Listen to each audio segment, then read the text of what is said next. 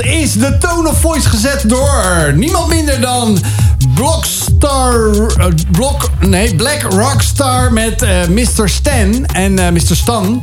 Ja, hoe je het maar ook wil zeggen. Maar ja, het is in ieder geval een waanzinnig lekker nummertje om af te trappen op een woensdagavond met Walt Veet hier op Walt FM, Marije. Ja, absoluut Joost. Ja, jij hebt er misschien ook wel lekker zin in. Ja, is altijd. ja, hè, dat is toch zo heerlijk. Zo live lekker radio maken. En ja, wat ik wil zeggen, de tone of voice is gezet door, door Black Rockstar vanavond. Want eh, ja, die eh, heeft eh, meerdere nummers eh, vanavond ingebracht. Want dat is ook iemand die, je zal het niet, niet denken, maar liever achter de tralies zit dan daarvoor eigenlijk. niet omdat hij dat nou vrijwillig wil, maar omdat hij daar mooi en goed nieuws kan brengen. Het is iemand die echt een hart heeft voor jongeren, voor mensen die ja, misschien een beetje buiten de boot vallen. Hij is ja, echt een schrijver, hij is een auteur, hij is een muzikant, hij is van alle markten thuis. Hij heeft een waanzinnig bijzonder boek geschreven, Bloedband. En misschien gaan we er vanavond wel meer over eh, lezen of horen in ieder geval. We hebben een bomvolle eh, aflevering vanavond hier met Wild Fate. Want we gaan zo even bellen. Want ik mag vanavond hier op Wild Fate, in ieder geval op Wild FM, op de woensdagavond eh, na 8 uur het eerste kerstliedje zingen. Eh, niet zingen, maar eh, draaien. Dat ik het zingen maar aan de, aan, de, aan, de, aan, de, professionals over. Want ik ben niet zo een eh, zangbeurt. Want dat heb ik al een keer eh, geprobeerd hier. Hè? Eh, dat kan je ook terugluisteren via onze Wild Fate podcast. Die elke week na onze uitzending wordt gepubliceerd op de bekende platforms eh, van de podcast eh, waar je die maar kan luisteren. Dus ook vanavond ga je eh, een fantastisch goed verhaal horen. Deze man die praat ook graag mee. Het is heel bijzonder, want als hij links niet meer de tijd weet, kijkt hij automatisch op rechts. Want hij draagt twee horloges. Hij heeft voldoende tatoeages. Misschien komen we daar vanavond ook nog wel over te praten. Hij heeft een, ja, een, een, in ieder geval een genoeg praatgrage verhalen heeft hij. Hij zal veel vertellen vanavond. We hebben een bijbelsweetje over de kerst. Eh, en uiteraard, we gaan nog eventjes eh, iets moois doen. Namelijk, eh, we gaan straks nog eventjes zagen. Maar daar mag jij meer over vertellen. Want ik introduceer, introduceer graag onze gast van vanavond. Het is niemand minder dan Rivelino Richters. Yo, Yo, goedenavond. Dankjewel, goed om er te zijn. Welkom dat je er bent en dat jij in jouw drukke schema tijd hebt gevonden om bij ons vanavond aan te schuiven. Want jij bent in binnen- en buitenland te vinden. Klopt, klopt, klopt. Ben net terug uit Italië en Zwitserland. Ik heb daar een tour gedaan. Ik ben onder andere in de gevangenis gaan optreden, gaan spreken. Ik heb in een theater gespeeld, een club en ook een kerk. En eh, dat was de eerste tour eh, van Free, de Free Liberal Tour. Samen met Jonathan uit Torino. En het was super mooi man, te gek. Mooi. Leuk. We zijn heel benieuwd of je vanavond daar ook nog wat over gaat vertellen. Zeker. Maar eh, volgens mij is er meer dan genoeg om eh, te delen. Onder andere natuurlijk een eh, geluksmomentje, Marije. Want dat heb je vast. Ja, zeker. Ik was vandaag bij een klant en daar was ik aan het afronden. En dan is het niets anders leuker dan een pakketje te krijgen. En dat ze zeggen, het was gewoon zo vet wat je de afgelopen jaar bij ons geïnvesteerd hebt. Wat je hebt kunnen betekenen voor ons bedrijf. En eh, ja, bedankt. Dus ik werd helemaal verrast met chocola en lekkere thee. En eh, gewoon een echt een verrassingspakket. Dus ik ging eh, heel blij daar de deur uit. Kijk? Ook wel een beetje weemoedig, want het was een hele toffe klus waar ik lang gewerkt heb. Ja, wauw, een jaar. Wat, wat, wat, ja. wat heb je een jaar daar mogen doen? Het was ehm, Open Doors, een organisatie in, eh, in Ermelo. En in het begin van het nieuwe jaar komt Maarten deze directeur van Open Doors hier ook langs. En wat zij eh, doen is, ze maakten heel veel impact... omdat ze wereldwijd zich inzetten voor christenen die vervolgd worden om hun geloof. En ik heb daar eh, ja, voor het vrouwentak, dus het vrouwenwerk daar, heb ik eh, veel mogen doen. Wauw, mooi. Bijzonder, bijzonder werk. Ja, dat Belangrijk is werk. zeker. Ja, ja, En ja. eh, Rivelino, wat is iets waarvan jij zegt van ja, dat wil ik vandaag delen. Daar werd ik heel erg blij van, dankbaar voor. Dat was echt een momentje van geluk. Nou, ik heb vandaag heb ik workshops gegeven in een gesloten jongereninstelling. Waar ik iedere woensdag kom. En ik heb daar met een jongen gewerkt. Waarvan ik weet dat zijn verleden best wel heftig is. Weet je, hij heeft zeg maar, ja, best wel heftige dingen gedaan. Waardoor hij zeg maar, eh, in detentie kwam en, en eh, op andere plekken. En hij deelde vandaag zeg maar, twee raps. Eentje voor zijn broertje. Of voor zijn grote broer, waarin hij zeg maar zegt van weet je, je bent belangrijk voor me. Excuus, sorry dat ik het zeg maar moeilijk heb gemaakt af en toe. Maar ik eh, ben blij met je en ik mis je. En hij heeft een lied voor zijn opa en zijn oma gemaakt. Echt waar? Ja, heel tof. Echt super gevoelig en, en heel, eh, heel natuurlijk, weet je, heel gedragen. Eh, want ik kende zijn andere teksten, zeg maar, voordat hij zeg maar, ja, eh, bezig was om te veranderen. En die waren gewoon echt glashard. En dit was gewoon super kwetsbaar. Dus daar ben ik heel blij van. Gewoon, dat heb ik ook aan hem meegegeven, weet je wel. En we gaan kijken of we er misschien iets van een videoclip van kunnen maken. Zo vet. Dus dat is, ja, dat was een hele, hele, hele mooie dag. Dat zijn van die cadeautjes dat je denkt van, ja, wauw, tof om dit te mogen meemaken. En we gaan straks nog veel meer horen over de impact die jij maakt binnen je werk. Mhm. Maar uh, Joost, uh, ook natuurlijk gaan wij jou niet voorbij vandaag. Nee, mijn geluksmomentje was afgelopen zaterdag uh, rond een uur of vier. Nou? En, toen begon natuurlijk Nederlands, Nederland begon toen met voetballen. Niet dat ik daar heel erg voor thuis zou blijven. Ik ben benieuwd dat je aan het juichen was. Ja, nee, nee, nee. Nou ja, ik was ook deels een beetje aan het juichen. Maar mijn geluksmomentje eigenlijk was toen ik thuis kwam... na helaas een verloren kampioenswedstrijd van mijn jongste dochter... met sporten. Maar we kwamen thuis en het was zo koud natuurlijk afgelopen zaterdag. En we, we hadden anderhalf uur, meer dan anderhalf uur aan de kant van de, de wedstrijdveld gestaan om ze aan te moedigen. En helaas, helaas, de tegenstander was net iets te sterk voor ze dit jaar. Wie weet kunnen ze volgend jaar verslagen worden. Maar in ieder geval, we kwamen thuis met een heerlijke warm warme kop chocolademelk, slagroom erbij, appelflapje, lekker warm. Dus oh, dat is zo. Je zit dan op je bank en dan kom je in een warm huis. Dan denk ik, wauw, ik ben er toch wel erg uh, blij mee dat ik dat ook heb in deze tijd. Want ik hoor ook gewoon veel mensen die hun verwarming echt niet hard zetten. En bij ons stond hij ook niet keihard. Want 18 eh, graden is ook genoeg. Maar eh, dat is al heerlijk als je uit de ijzige kou komt. Ja. Dus, maar en Marije, ik heb voordat ik eventjes naar de nieuwste van, uh, van Rijer ga... gaan we eventjes zagen. Want ja, we moeten het toch ook even aankondigen, toch? Ja, zeker. Even, even, even, even gaan we, gaan we, gaan we, zagen, zagen, zagen. Want wat is er, wat is er deze week? Ja, iedereen denkt echt, wat is dit nou voor zaagjeboom.nl? Maar uh, aankomende zaterdag kun je... Dus je maakt vanavond uh, kans op een van de twee kerstbomen... die we ook deze week mogen verloten. En komende zaterdag kan je dan zelf je eh, boom komen zagen of eruit graven. En dan heb je echt een fantastische kerstboom rondom de feestdagen. Zaagjeboom.nl heeft al vorige week twee winnaars opgeleverd. Of drie, ik weet nog niet helemaal zeker. Maar twee. Dus ja, er zijn in ieder geval weer drie bomen dit jaar. Ja, dus zeg je nou van, ik wil, ik wil kans maken op, op een van die andere twee bomen dan moet je heel even op de socials reageren onder de video. Dus uh, van Weldefem uh, kun je daar dus op de socials dat vinden of even via een story uh, reageren. En wellicht zie ik je dan zaterdag, want het toffe is namelijk dat ik daar dus zal zijn. Want ik ken toevallig die meneer van Sagieboom.nl. En daar zal ik staan met warme chocolademelk en slagroom. Oeh, lekker! moet je er een beetje bij denken. Maar uh, het wordt een heus feest. Goed zo. Maar het wordt ook een heus feest hier op Walt FM met Walt vanavond. Want we gaan een heerlijk nummer van. Dit was Lucas Eli met Osso. Welkom terug bij Wildfeet hier uh, op Walt FM.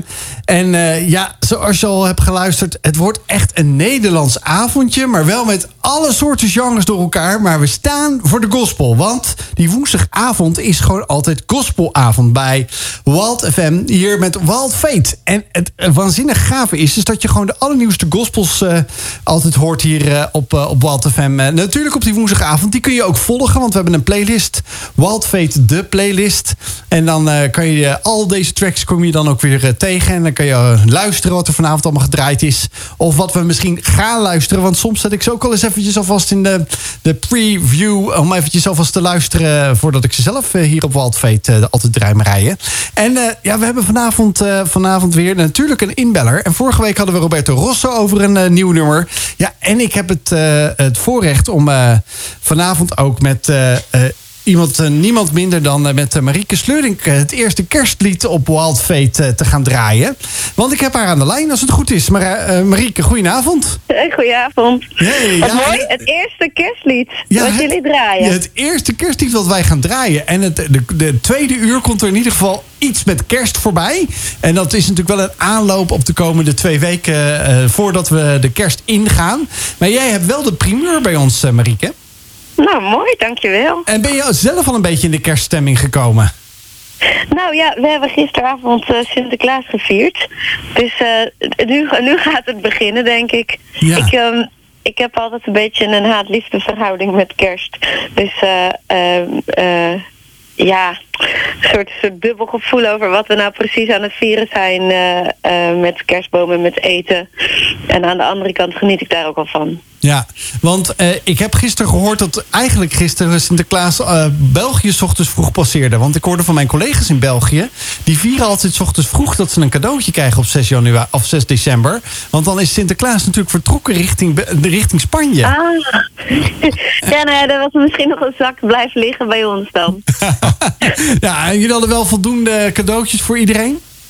Ja hoor. En leuke, en leuke gedichtjes? Ja, ja, ja, we hadden een soort last minute uh, verdeling. Iedereen, uh, het was, uh, waren allemaal een cadeautje, iets groots en iets kleins. En last minute hebben we gewoon het verdeeld en daar moest iedereen een gedicht bij maken. Ja. Dit was echt even heel low energy Sinterklaas. Oh, heerlijk. Nou, we gaan eventjes terug naar, uh, naar die, naar die haat-liefde verhouding, zoals je net een beetje zei, van, uh, van kerst. Uh, dat je daar een beetje nou ja, moeite mee hebt van wat vieren we nou eigenlijk. Maar toch ben jij daar als muzikant en songwriter, mariekesleuding.nl, ben je erop ingesprongen door een kerstlied te maken? Of was dat niet, zat dat niet in de planning? Ja, nou, het zat wel in de planning. Ik, uh, ik ga elk jaar een keer naar liedschrijverskamp van uh, Peter en Karen van Essen. En uh, daarbuiten schrijf ik ook. Maar op zo'n kamp schrijf ik uh, vaak ook wel één of twee liedjes soms. En ik had nu in mijn hoofd, ik wil heel graag een kerstlied schrijven. vanuit Maria. Als Jezus net geboren is. Dat was eigenlijk mijn, mijn doel. En ehm, daar heb ik dus in of, begin september aan gewerkt. in dat weekend. En dat was gewoon gewoon mooi dat ook een liedje dan geboren wordt. Het gaat over dat Jezus geboren wordt. Maar dit, hier werd een liedje geboren. En um, ja, het was het idee om omdat we een kersttour zouden doen voor uh, Zingende Kerk... dat er dan ook wel fijn zou zijn als er een lied van een kerstlied was. Alleen uiteindelijk uh, zijn we niet geboekt. Dus ja, soms gebeurt dat. Er zijn meer artiesten die nu niet zoveel optredens hebben met kerst. En um, en was er wel een kerstlied. Dus en toen uh, ontstond toch de wens om die dan op te nemen. En zo, uh, zo is het gebeurd. Ja, want uh, zo'n geboorte, je hebt het net over een geboorte van een lied. Komt het ook een beetje bij jezelf terug omdat je moeder bent? Dat je dacht van ik wil dat eens vanuit een ander perspectief belichten? Ja, zeker wel. Uh, je, uh, we hebben drie kinderen en uh, dat wel echt best wel intens beleefd ook. De, die, die, nou, ik denk eigenlijk dat elke moeder dat wel doet. Maar het is zoiets intens en, en dan leef je daarin. En dan kan je daar wel veel van je eigen moederschap en je, de start daarvan van je moederschap in kwijt. Ja. ja. En, en jij, jij bent hier al eens bij ons te gast geweest. En je hebt ook wel eens verteld van... Uh, ja, dat komt natuurlijk op allerlei manieren... kom je zo'n zo lied wordt geboren. Maar je bent specifiek ook op dat kamp... waar je was met die, al die songwriters... Uh, uh, singer-songwriters... kwam je op deze inhoud van dat lied. ja, ja. Uh, dat ontstaat vaak. Ik heb dan dus een idee, in dit geval vanuit Maria. Uh, als Jezus net geboren is. Dat gevoel van dat je dan een kindje in je armen hebt. En je hebt geen idee wat de toekomst brengt. En toen kwam al heel snel de link uh, met de naam van Jezus, God met ons. Dat daar zo'n belofte in zit. En het mooie is dat mijn naam betekent hetzelfde als van Maria. En de naam van onze zoon betekent hetzelfde als de naam van Jezus. Dus dat kwam nog wel een standje dichterbij toen ik dat eenmaal ontdekte. Dat ik eigenlijk iets aan het schrijven was wat, nou ja, wat qua, nou ja, wat, wat daar, wat, dat ook al een beetje dichtbij voelde. En, um, en hoe ik mezelf als moeder zag, daar ga je dan in meedenken. En dan, er was een andere liedschrijver die bevroeg mij daar ook een beetje op. Is, uh, is, is ja, dat je gewoon niet weet wat het gaat brengen als je een, klein babytje in je handen hebt. En dat het moederschap kan best wel overweldigend zijn. En zo kon ik me zo indenken dat zal voor Maria misschien ook wel zo zijn geweest. En aan de andere kant, uh, toen heb ik de, in de Bijbel erbij gepakt het loflied wat Maria zingt. Dat is de engel bij haar geweest. Aan de andere kant was het ook een vrouw vol vertrouwen. Want ik geloof niet dat God zo'n grote taak bij iemand wegzet die eigenlijk een uh, bang meisje is. En dit niet aan zou kunnen. Hmm. En dat vertrouwen, en dat vertrouwen wat ik ook wel mezelf elke keer ook in het moederschap eigenlijk heb uh, toegesproken in de moeilijke momenten. Uh, en, de, en de betekenis daarin van de naam van Jezus. Uh, en ja, het vertrouwen wat Maria toch moet, echt moet hebben gehad in het plan van God hierin. Dat wilde ik samen zo. Ja, dat kwam eigenlijk zo samen. En ondertussen ben je bezig met melodieën. Um, met, nou ja, omdat in een lied dingen ja, over het algemeen op elkaar uh, rijmen. Helpt dat wel, stuurt dat wel. En, en soms kan dat dan heel snel gaan en soms duurt het wat langer. In dit geval ging het best wel, uh, ja, best wel snel eigenlijk dat het, dat, dat het concept stond. En dat, dat het lied steeds meer inge- ingevuld kon worden. Mooi, goed te horen. En heeft het ook je balans naar de meer liefde voor de kerst ook gebracht, dit lied? Klein Ehm, beetje? nou, nou, ik, ik hou heel erg van eh, eh, verhalen vertellen door muziek. Ehm, ook door theater trouwens. Ehm, en, en dit helpt mij wel weer om het verhaal wat we rond kerst eh, ook beleven... eh, ja, om daar nog meer rijkdom aan te geven in, in, in, in mijn eigen eh, rijkdom in woorden die ik eraan geef, rijkdom in gevoel, wat ik erbij voel. Ehm, en voor mij is dat de titel eigenlijk God met ons, is dan wel echt wat, wat blijft hangen. Nog meer dan andere keren kerst inderdaad. Mooi, dankjewel daarvoor. Zou jij eh, de, het allereerste kerstlied op Wild Fate, FM van 2022 willen aankondigen?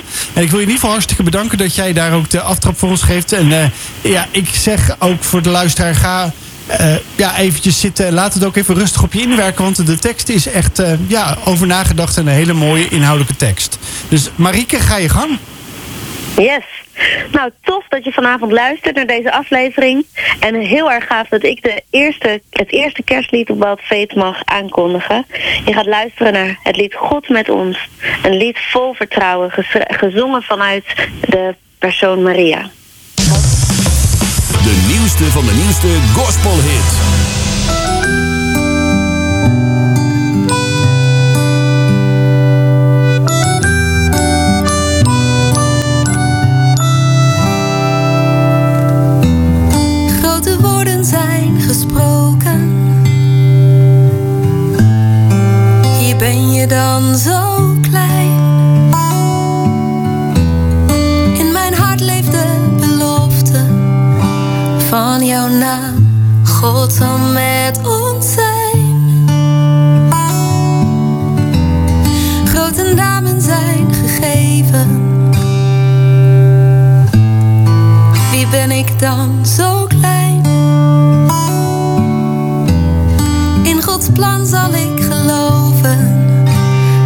koos mij, hij zal met me zijn. Word maar groot, groei maar op. Wat er verder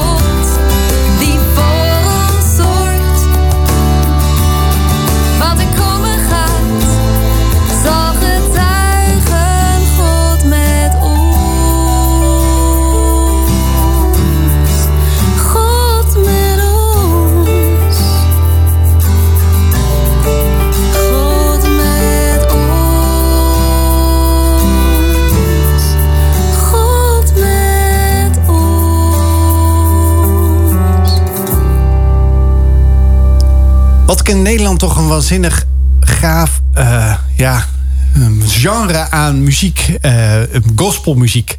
Misschien denk je vanavond wel van, wat is dit allemaal Nederlandstalig? Ja, dat is het. Ik had met eh, onze gast van vanavond, eh Rivelino, toen die hier aankwam in de studio, mooi op tijd.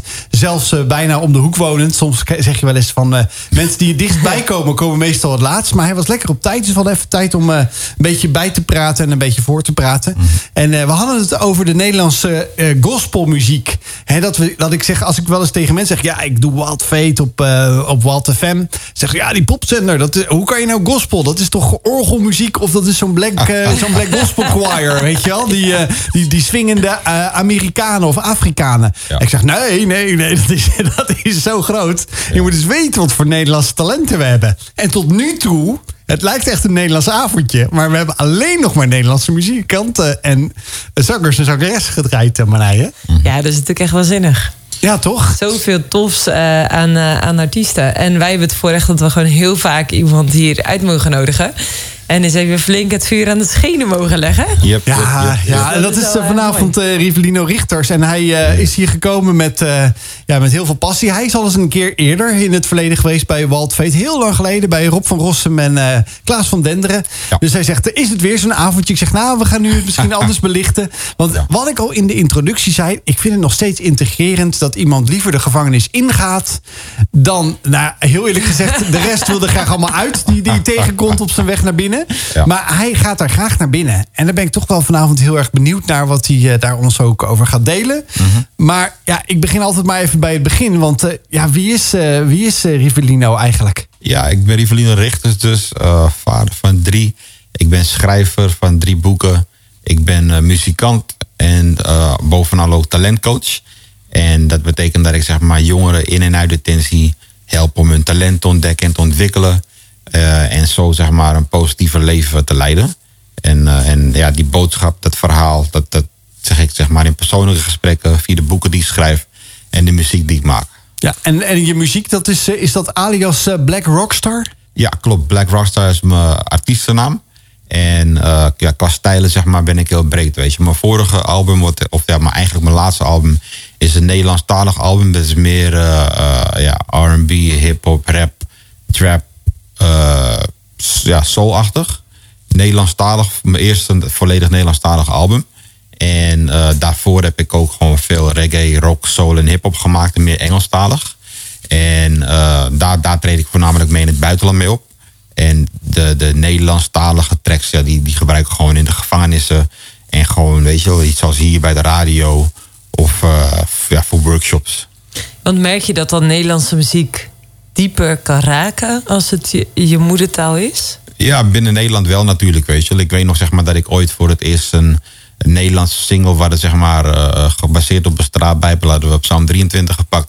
En daar hebben we zeg maar een soort van rap, trap, soul versie van gemaakt, Diepe Duisternis. En het is toen een hele grote hit geworden.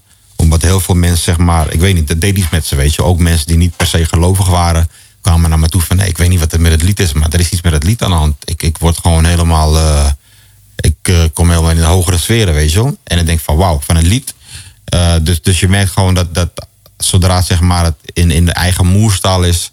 en het is ook nog, zeg maar, weet je wel, eh, geladen met een, met, een, met een bijzondere boodschap... In dit geval zeg maar gewoon, weet je, dat je altijd zeg maar bij, bij God kan komen, ondanks wat er ook gebeurt. dat het mensen raakt. En dat, en dat is gewoon heel mooi. Dus, dus ik, ik heb er zeker van genoten om een eh, Nederlandstalig album uit te brengen. En eh, ik denk dat er in de eh, toekomst nog steeds zeker weer een, eh, een, een andere album in mijn eigen taal gaat komen. Zeker. Ja. Ja, nou, we hebben, we hebben eigenlijk vanavond een beetje een assistent-DJ, zou ik zeggen, Marije. Want meestal ben ik degene en wij eventjes die de muziek uitkiezen en draaien. Maar ja, eh Rivellino heeft vijf nummers meegenomen van, eh, van, eh, van Black Rockstar. En met mensen met wie hij samenwerkt. En heel eerlijk gezegd, ze staan geshuffeld in de playlist, Rivellino. Maar als je nou vanavond zegt, check, dit nummer moeten we nu even draaien. Ook al staat hij nu niet gelijk eh, bovenaan. Eh, nou ja, Maar niet dat ik zeg nu hè, gelijk, maar zometeen misschien dat je ergens in een gesprekje dat je denkt... hey, check Marije Joost, dit is wel een hele mooie aanvulling... of dit is een mooi nummer om eens eventjes over door te praten. Ja. Laat het even mij weten. Jij bent de assistant eh, DJ vanavond. Ja. Jock, Cool, Jock ben je vanavond al eventjes eh, alvast een beetje in eh, de radiobusiness eh, natuurlijk te rollen. Ja, maar ik zou zeker, zeker zeggen, wees zo vrij om even te zeggen... Joost, Ik zou die even draaien. Oké, top. Ja, maar dat is eventjes tussen ons. Want eh, er- staan gewoon wel eens in de gave gospels klaar hoor, Marnije. Dus wees niet Ja, ik heb er alle vertrouwen in, hoor, Joost. Ja, Echt hartstikke want ik, ik, ga nog, ik ga nog één keer doen. Ik ga nog één keer doen. Eén keer dan, nog vanavond. Nou ja, volgend uur ook nog een keer. Zaag, zaagjeboom.nl. Die, eh, yes. die geeft eh, drie kerstbomen nogmaals eh, nog één keer cadeau. Want het is alweer over een paar weken kerst. Dus grijp je kans. Ga naar die socials van Walt FM en de, Walt Foundation. En geef onder het videootje even je naam door. Ja, of via de story. Of via de story, Kan want ook. dan eh, word je misschien wel de winnaar. En ja, sinds dat de Sint eh, het land weer uit is, is het voor de vele mensen zo dat dit weekend de boom uit- opgetuigd wordt. Ja, Ja. en hoe vet is het als je er gratis eentje op kan halen. Nou goed, we gaan verder, eh, lekker verder in gesprek met eh Rivelino. Ja, want ik ben echt ja. super benieuwd. Waar is jouw liefde, jouw passie voor muziek ontstaan? Ehm, ik denk dat die heel jong al was ontstaan. Ik ben, ik ben zeg maar een kind. eh, ik ben in 78 geboren, maar ik ben opgegroeid in de jaren 80. En ja, net begin van de jaren 80 was echt de op- opkomst van muziek-tv. Dus je had zeg maar zenders als Countdown, als Top Op, Top eh, MTV, eh, Super Channel. Eh, dus ik, ik, werd op, ik was opgegroeid gewoon met, met, met live muziek, weet je wel. Eh, Dire Straits kwamen toen op tv, Michael Jackson, eh, Bruce Springsteen, George Michael, Madonna. Het was echt zeg maar de generatie van de grote popsterren. En ehm, de, thuis werd ik opgegroeid, zeg maar, met, ben ik opgegroeid met, eh, met vinylplaten van, van mijn ooms en mijn moeder. Met allerlei R&B soulplaten uit de jaren 60, 70, 50. En mijn broers brachten mixtapes. Dus er waren nog cassettebandjes. En dan zet- zetten ze de nieuwste rapmuziek zetten ze daarop. En dan werd het gemixt. En dan ging ik op mijn Walkman naar school. En dan ging ik gewoon muziek luisteren. Dus ik werd van alle kanten zeg maar, werd ik omringd met muziek. En ik werd altijd heel erg blij zeg maar, van muziek luisteren. En op een gegeven moment ging ik ook echt weet je, teksten analyseren. Want toen kwamen de cd's met de boekjes. Weet je wel. Dus eigenlijk door een boekje te lezen... werd ik geleerd hoe je een nummer kon opbouwen. Dus er stond bij refrein, chorus, eh, intermezzo, bridge. En onbewust ga je dat opslaan. En toen ik zeg maar jaren later zeg maar, zelf voor het eerst... eh, werd geconfronteerd met een hip-hop opname van een vriend van mij. dacht van wauw, dit is echt vet. En dat zei ik, ja, dat wil ik ook, weet je wel. Eh, dus toen op mijn 14 heb ik een tekst geschreven, deed ik een half jaar over. En eh, toen heb ik het schrift echt jarenlang links laten liggen. Heb je die ooit uitgebracht? Eh, pff, nee, ik ben, ik ben het schriftje kwijtgeraakt helaas. Ja, dat Is dat helaas of expres of per ongeluk? Ja, ik weet het niet. Ik, ik, ik weet nog dat ik wel, ik weet wel mijn rapnaam. Ik was Cube D. En het was dan zeg maar, was er zeg maar een, een, eh, een samenvoeging van twee van mijn favoriete rappers, van Ice Cube en Chuck D. Eh, dus ik, ik was er wel mee bezig, zeg maar, van oké, wat is mijn image en hoe wil ik heten. Dus eh, het was wel iets waar ik wel mee bezig was. Soms bewust en soms onbewust. Maar Pas toen ik voor het eerst eh, in een jeugdgroep kwam van een kerk en allerlei jongeren muziek zag maken, dacht ik van, oh, maar wacht, als jullie het kunnen, dan kan ik het ook. En dat was voor mij eigenlijk de start van, eh, van mijn muziekcarrière. Omdat ik toen, ik had toen een boodschap om te vertellen, weet je wel. Ik had daarvoor dat ik zoiets van, ja, die nummers zijn wel leuk en zo, maar het is allemaal ijdel gedoe. En ik voelt niet iets wat ik, waar ik moeite voor wil doen om op een podium te gaan staan. Maar toen ik een boodschap had om te brengen, weet je wel, van een boodschap van hoop, dacht ik ja, dit, vind ik wel tof. Je moet er een band voor vormen, weet je wel. Ja, want die boodschap van hoop kwam na een seizoen van wanhoop. Klopt, klopt. Ik heb eigenlijk eh, tussen, mijn, tussen mijn tiende en mijn zestiende gewoon eh, een hele zoektocht achter de rug gehad. Ik was zeg maar eh, op zoek naar wie ik was. Want weet je, op jonge leeftijd mijn vader kwijtgeraakt op mijn vijfde. En dat heeft Zo. voor mij gewoon een hele grote impact gemaakt. En het was eigenlijk trauma- tra- traumatisch, want hij, hij, hij, hij ging dood voor mijn ogen Zo. uit eh, een hele zware vorm van eh, astma. En, eh, maar pas als je later opgroeit, besef je van dat het traumatisch is. En ik besef dat het eigenlijk pas tussen mijn 30 en mijn 40 dat ik echt gewoon een traumatische ervaring had. Daarvoor werd er altijd gezegd, ja, je gaat er goed mee om. En, maar ik had altijd een stukje leegte, weet je wel. En, en die vulde ik op gewoon met, met vrienden van de straat. Omdat ik naar hun opkeek, ze keken naar mij. En ik kreeg geld van ze. Maar ze waren gewoon met hele foute dingen bezig. En Zoals? Waar, waar hielden ze zich mee bezig? ze hielden zich bezig met drugsdealen, met inbraak, met mensenhandel. Eh, dus gewoon met de heftigste dingen zeg maar, die je kan bedenken. Terwijl jij was nog... Ik was toen, toen ik hem voor het eerst ontmoette, was ik acht jaar. Eh, en toen hoorde ik al wel een beetje van oké, ze doen aparte dingen, laat ik het zo zeggen. Maar het ging één oor in, ander oor uit. Het enige wat ik zag van is dat zij mij zien staan. En, en, en het feit dat zij mij aandacht gaven, dat was voor mij al van wauw. En ook omdat ze gewoon imposant eruit zagen. Ze hadden zeg maar hele dure leren jassen, koningskettingen. Eh, dus van die echt mega belachelijk dikke gouden kettingen, Air Max schoenen, Porsches, Golf GTI's, scooters. En, en aandacht van, van mooie meiden. En, en als, als jongeling, zeg maar, uit die buurt, dat was zeg maar status, weet je. Ik kwam uit Amsterdam-West. En eh, dat, dat waren gewoon de dingen, zeg maar, die je gewoon extra status gaven op straat. Plus de aandacht. Dus ik wilde gewoon dat ook hebben. En, en daardoor ging ik, zeg maar, in hun voetstap achterna. Ja, dus ook wel als je zegt... ik was eh, een heel klein jochie. Ik had een trauma meegemaakt toen dat ik mijn vader voor mijn ogen zag overlijden. eh, aan astma. En, en ergens in je zoektocht naar... oké, wie ben ik dan als klein mannetje... eh, zag je die jongens daar op straat. En, en enerzijds wist je ze zijn met gekke dingen bezig... en tegelijkertijd trok dat dus ook heel erg aan. Jawel, omdat het feit is zeg maar dat ik zag gewoon een beetje als soort van grote broers, weet je wel. Eh, juist omdat als ik langs liep, gingen ze een praatje met me maken. En, en zeg maar die aandacht die ik kreeg zeg maar, van zulke stoere jongens, dat voelde voor mij gewoon als een stukje ja, erkenning, weet je wel. Dat hey, ik word gezien door iemand die zeg maar gewoon stoer is eigenlijk. Iedereen keek naar hen op, weet je. Iedereen was bang voor hun. En, ehm, en had ontzag voor ze. En, en, en daardoor wilde ik zeg maar gewoon als hun zijn. Ik ben echt wel heel erg benieuwd wat dat dus bracht. Want nou ja, iedereen die nu luistert denkt... dat duurt niet zo lang voordat je er zelf ook inglipt. In dat stukje. Maar het lijkt me heel tof om eerst eh, naar muziek te gaan luisteren. Ja. Heb je nou een song waarvan je zegt van... ja, die, eh, die eh, kom maar door. Ik denk dat broederschap wel heel goed past hierbij. Black Rockstar met broederschap met eh, Kamikaze Yes, en rocks. en Rocks. Ja, kijk, en eh, dit is natuurlijk wel... Het lijkt wel alsof dat we, gek genoeg gezegd... steeds dieper in, in de materie van eh, onze gast van vanavond eh, duiken. Rivelino Richters, die hier vanavond eh, te gast is. Over van... Ja, hij vertelde even mooi van... dit ben ik, dit doe ik, dit heb ik gedaan. dit vind ik leuk om te doen. Ja, toen zei Marije ja. En dan kom je vanzelf ook ergens terecht. En dit is wel, hij, zit het, hij zat hier lekker mee te zingen en te swingen in de studio. Eigenlijk maar te swingen niet, maar te zingen. En dat houdt, ik vind het heel waanzinnig gaaf dat je dat, je hebt het misschien zelf niet door hè. Maar dat is dus die tekst die zo in je hoofd zit. Maar als je goed naar die tekst luistert, dan denk ik bij mezelf van je hoort allerlei facetten langskomen. Ja. Die Ja. nou niet echt rooskleurig zijn. Nee, het is, eh, het is zeg maar gewoon real talk, weet je. Het, zeg maar het leven van de straat. En gewoon heel veel struggles en, en, en zoektochten waar we doorheen zijn gegaan. En anderen. En, eh, m- maar het is wel zeg maar gewoon hoe het leven voor sommigen is, weet je, of was. En ik denk zeg maar dat dat stukje hopelijk zorgt voor een stukje erkenning, weet je. Van hé, hier kom ik vandaan.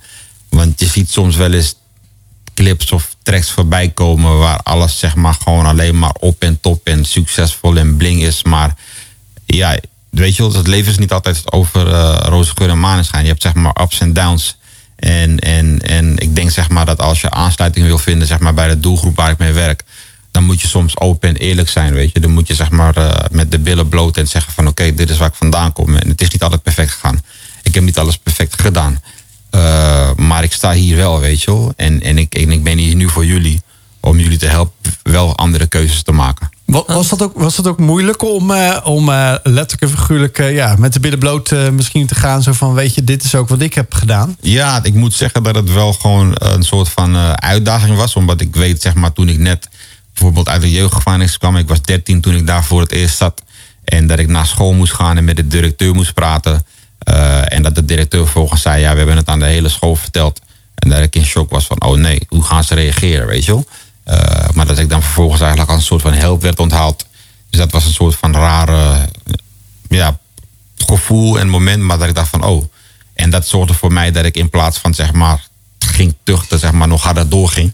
En dat zorgde ervoor dat ik een paar jaar nog eh, zwaarder in mijn delicten ging en in en uit ging. Tot ik op een kruispunt kwam, weet je wel. En, en dat kruispunt was voor mij, zeg maar, toen ik met harddrugs in aanraking kwam. En toen ik op een gegeven moment gewoon heel veel voorbij zag komen, weet je. Van mensen die ik kende die verslaafd waren. Of die heel erg dealden of die smokkelden. En toen dacht ik van ja, dit is niet het leven voor mij. En dat was mijn zoektocht die begon. En binnen dat jaar heb ik heel veel dingen uitgeprobeerd. Van religies tot en met geloven, tot en met mindsets. Maar dat ik niet echt uitkwam. En eigenlijk een jaar later kwam ik met een groep jongeren uit Philadelphia in contact. En die hadden een kerk opgezet voor aan het kerkelijke. En daar heb ik eigenlijk zeg maar een ontmo- ontmoeting met God gehad. En, en dat, dat zorgde ervoor dat ik gewoon in tranen uitbarstte. Jongen van de straat bij een theaterstuk. En dat, dat, dat mensen bij me naar me toe kwamen, gaat het met je? En, en weet je, weer erover praten. En dat we toen gingen bidden. En tijdens dat gebed toen voelde ik echt een soort van warme aanwezigheid. En alsof een soort zware last van mijn rug werd getild. En eh, dat was voor mij eigenlijk het begin van een nieuw leven. En eh, dat, dat begon ik gewoon vrijmoedig te delen, weet je. Want ik wist niet beter. Dus ik ging het aan iedereen vertellen. En ze zagen echt aan mij van, hé, er is iets met je gebeurd. Het ziet er rustig uit, weet je. Ik dacht van, hé, maar hoe kan jij dat nou weten?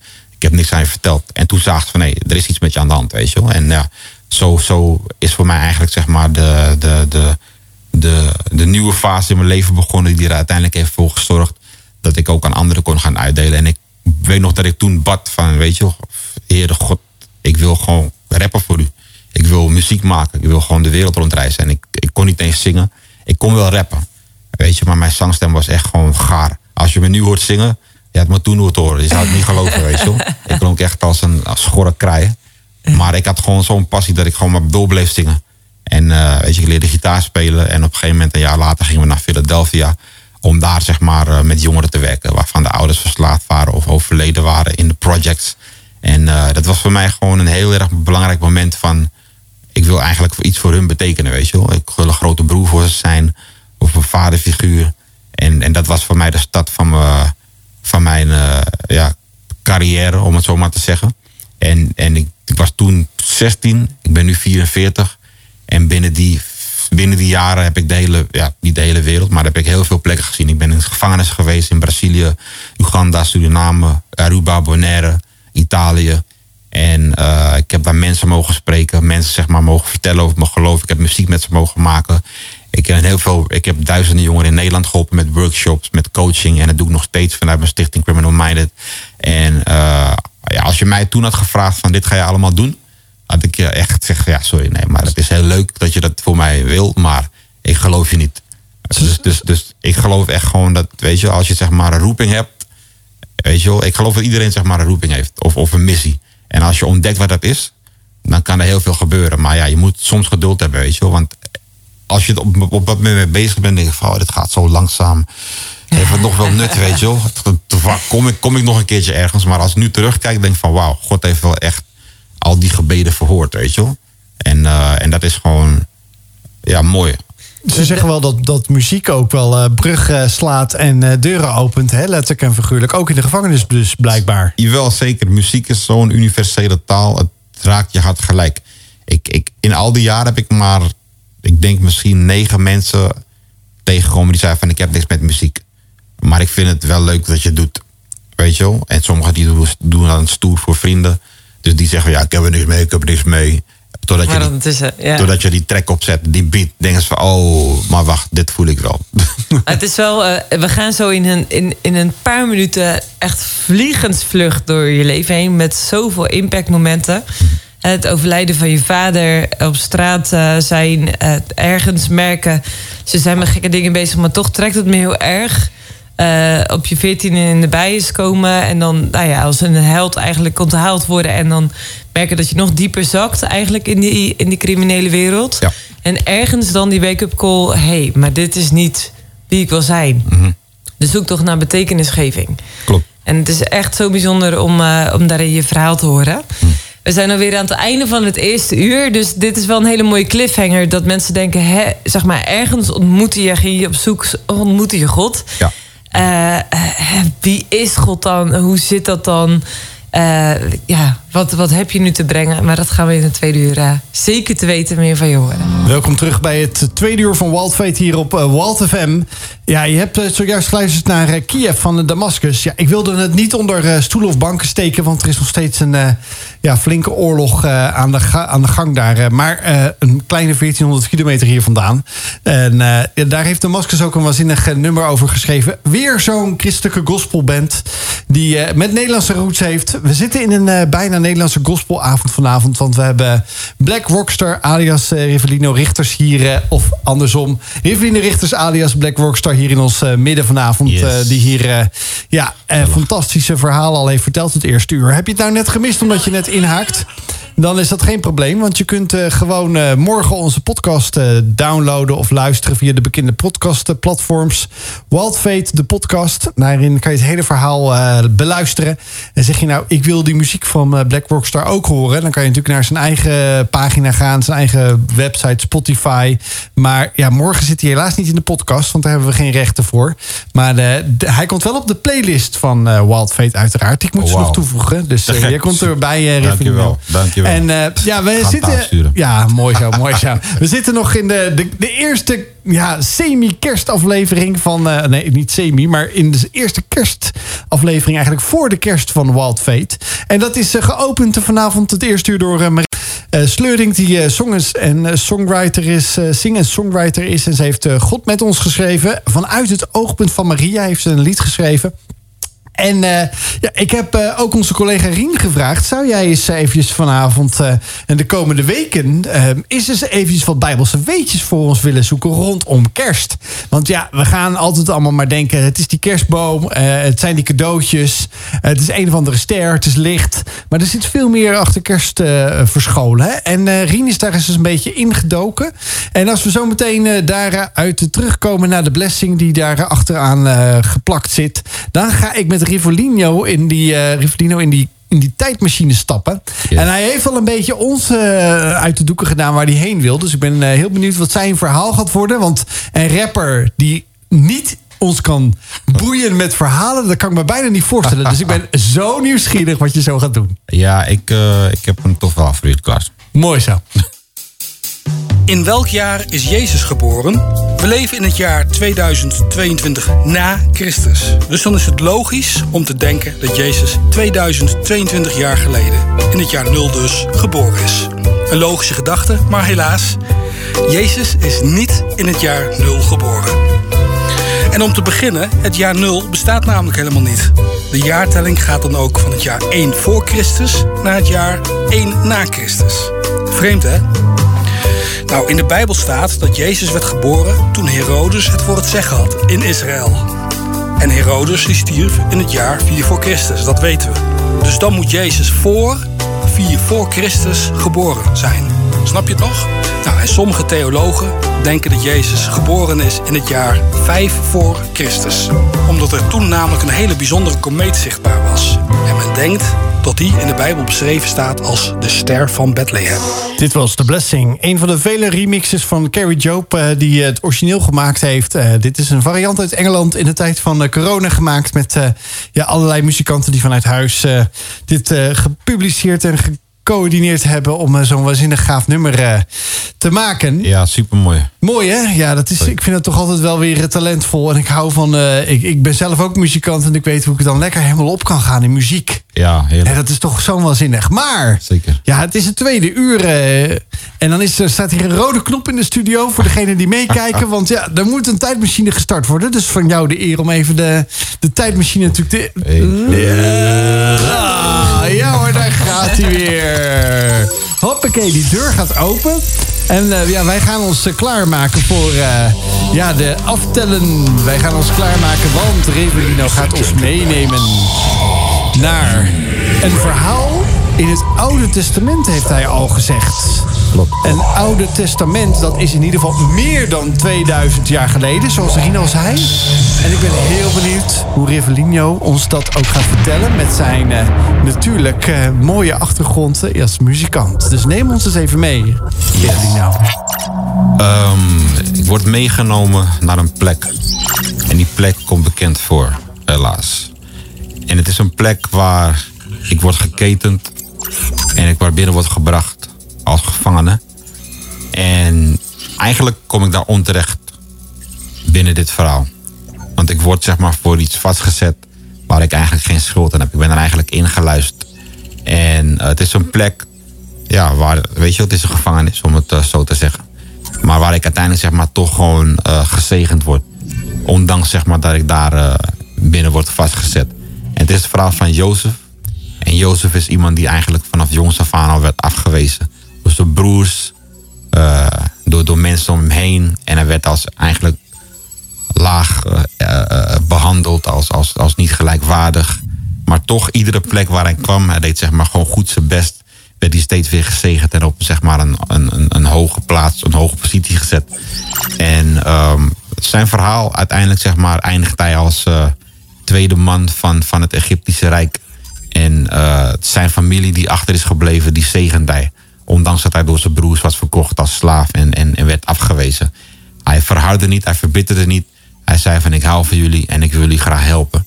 En eh, als ik naar mijn eigen leven kijk, ja, heb ik ook afwijzing meegemaakt. Ik heb afwijzing meegemaakt op school. Eh, ik heb afwijzing meegemaakt door, door vrienden.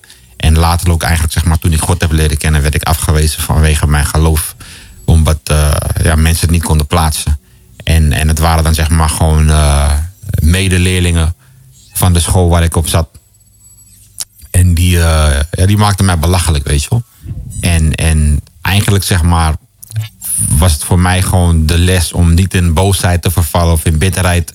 En daar bad ik veel voor, want ik was wel gewoon, ja, ik was er niet blij mee, ik was er boos om. Maar ik ging steeds naar God toe. Ik zei van, weet je, Heer, ik het bij u. En, en u zal het zeg maar gewoon omkeren. En ik denk jaren later, ik denk misschien vijf, zes, zeven jaren later. Toen kwam ik zeg maar op tv in een programma. En heel Nederland zag het. En ik kreeg van diezelfde mensen kreeg ik berichten van... "Hey, ik heb je interview gezien en ik heb je zien optreden. En goed man. En ja, tof, tof, tof. Of mensen die, zeg maar, die dan proberen zeg maar, mijn account eh, te bombarderen met eh, rare hackdingen. En dat ik gewoon toch, weet je wel, in de rust bleef. En, en uiteindelijk zij naar mij toe kwamen. En zeggen van ja, goed bezig.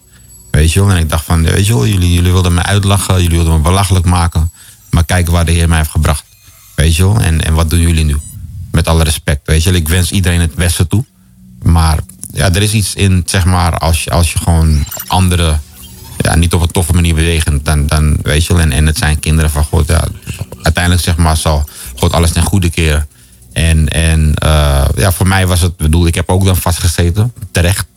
Eh, ik, ik was zeg maar niet onterecht eh, daar, maar ik heb wel geleerd zeg maar dat als je binnen zit, zelfs daar kan God je zegenen, weet je. Als je die keuze maakt om het goede te doen. Weet je wel, ik, ik, ik volg nu zeg maar een soort van, van Instagram page, het God Behind Bars. En er zitten mannen in die levenslang zijn gestraft en die echt hele heftige dingen hebben gedaan. Maar die uiteindelijk zeg maar gewoon een, een ontmoeting hebben met God en, en te ontdekken van nee, ik ben geliefd. Ik ben uniek. Ik hoef niet zeg maar gewoon anderen te kwetsen en te schaden. Ook in de gevangenis niet. En die veranderen helemaal. Dat zijn vaders die hun kinderen jarenlang niet hebben gezien. Omdat hun kinderen en moeders, weet je wel, wilden niet met ze te maken hebben. En, en jaren later worden hun kinderen bij hen gebracht en kunnen ze een relatie opbouwen. En, en, en ja, dat wil ik gewoon meegeven, weet je aan de mensen die nu misschien luisteren. Misschien luistert iemand binnen detentie wel. Weet je wel, ik, tegen die persoon wil ik zeggen van, weet je, je bent niet alleen. Je bent geliefd, je bent uniek en God heeft een plan met je leven. En eh, misschien is het iemand, zeg maar, een moeder of een partner of een vader of een kind van of een vriend van. Weet je weet zeg maar dat, dat, dat degene zeg maar, waar je op wacht, die, die heeft zeg maar een missie, die heeft, die heeft een roeping op zijn leven. En, en probeer met die persoon te ontdekken van wat het is. Ga met die persoon praten, ga met die persoon bidden, ga zelf bidden. En ontdek van hé, wat, wat kan ik nog meer uit het leven halen? Weet je, die ene foute keuze of misschien die meerdere foute keuzes zijn niet het einde van het verhaal. Je kan nog steeds zeg maar voor kiezen om iets positiefs met je leven te doen. Over free gesproken, vrijheid. Ja, Wat een heerlijk nummer, Rivelino. tof hè? Dank je wel. Wat betekent vrijheid voor jou? Vrijheid betekent dat je ja, de keuze krijgt om het leven te, lijven, te leiden wat je zou graag willen leiden. En eh, ja, ik denk zeg maar dat, dat we die vrijheid hebben gekregen in, in God, weet je. En, en dat hij gewoon eigenlijk zegt van ja, weet je, je, ik heb dit of dat voor je, maar je mag ook heel wat anders kiezen. Die vrijheid laat ik jou toe. En ik denk dat het dan heel mooi is, zeg maar, als je dan juist voor, voor, voor het plan kiest wat God met je leven hebt. Vanuit die vrijheid, weet je, want we zijn niet gedwongen. Weet je, het is niet zeg maar dat je zeg maar eh, gebonden wordt en je mag nooit meer wat leuks doen of dit of dat. Maar ik denk juist dat je wereld meer open gaat. En, en eh, ja, de vrijheid om die liefde te accepteren en ook te mogen uitdelen is voor mij zeg maar de ultieme vrijheid. Ja, want dat heb je echt ervaren op dat kruispunt in je leven van ik wil niet zo meer verder. Eh, ben je op zoek gegaan naar hè, wat, waar leef ik dan voor? Klopt. En uiteindelijk had je een ontmoeting met wie God was. Dat voelde als dat warme deken wat je in de eerste uur al vertelde. Ja. Eh, wat, wat maakte dat je zei, ja, ik heb heel veel dingen dus bekeken en, en, en willen ervaren, maar ik kwam uit bij God. Ja. Waarom kwam je uit bij Hem? Ik denk dat ik daaruit kwam vanwege de authenticiteit die ik zeg maar als het ware in zijn kinderen zag. Want ik merkte zeg maar gewoon zo'n oprechte liefde van hun. dat ik in het begin dacht van oké, zijn ze toneel aan het spelen? Maar ze hielden het zo lang vol dat ik dacht van ja, dit, dit Dat kan niet. dat kan je niet spelen, weet je wel. En dat was gewoon de hele week zo. Was En- het iets wat je niet kende? ja, niet op die manier. Ik bedoel, weet je wel, ik, ik werd geliefd wel door mijn moeder, eh, door mijn- broers en zussen. Maar ja, als zij op een gegeven moment hun eigen ding hadden, dan was het klaar. En, en het was gewoon, ja, weet je wel, normaal op zich. Maar ik merkte gewoon dat bij deze mensen was er een soort van, eh, ja, ik weet niet, een soort van bepaalde vorm van liefde die gewoon steeds naar me omkeek, weet je wel. En, en, en dat daarin herkende ik gewoon echt van, nee, dit, dit moet wel een soort van goddelijke liefde zijn. Die ik heel erg eh, als warm ervoer. En, en nog steeds. Dus dat, ja, dat was gewoon voor mij wel echt een, eh, een game changer, zeg maar. Want was dat waar je echt ten diepste naar verlangde? Naar geliefd zijn, naar gekend zijn. Ja, ik denk het wel. Ik wist het toen niet helemaal. Maar toen ik het eenmaal zeg maar zo had ervaren, wist ik van ja, wauw, hier word ik echt super blij van. Ik veranderde er zelf gewoon door, weet je wel. Omdat ik gewoon zo. Het was zo'n warm bad. Wat eigenlijk zeg maar nooit eh, meer koud werd of zo. En ik leerde natuurlijk ook gewoon om die liefde terug te geven op die bepaalde manier. En, en dat, dat zorgde ervoor dat gewoon mijn hele denkwijze veranderde. Dat ik gewoon een stuk zachter werd. Een stuk van mijn hardheid die, eh, die, die smolt als eh, sneeuw weg voor de zon. Dat is wel bijzonder, want je, op, je was een jaar of acht toen je met de jongens op de straat kennis maakte. Mhm. Je keek naar ze op, je merkte, zij hebben iets wat status geeft, wat aanzien geeft. Ja. Maar toch vond je daar dus niet wat je, wa- wat je ten diepste Nee. zocht of naar verlangde. Ja, het, het was gewoon een, eh, een, een voorwaardelijke liefde, zeg maar, weet je wel. Je moest eigenlijk als hun zijn of dingen doen, zeg maar, die zij deden om echt geliefd te worden. En als je dat niet deed, ja, dan was je gewoon, eh, was je gewoon iemand die voor, voor- voorbij passeerde en waar ze af en toe een praatje mee maakten. Het was niet zeg maar dat zij mij per se zeg maar erin wilde trekken, want die tijd was nog wel gewoon de erecode van jonge kinderen, zeg maar, die trekken er niet in mee. Het is nu helaas anders. Ehm, maar ja, die, die, die, die, die, die status die ze uitstraalde en, en dat stoere was zo, had zo'n grote aantrekkingskracht dat ik niet anders kon dan erachteraan gaan. En je was als jonge tiener, kwam je dus in de gevangenis te zitten. Ja. Dan kwam je in aanraking met detentie. Mhm.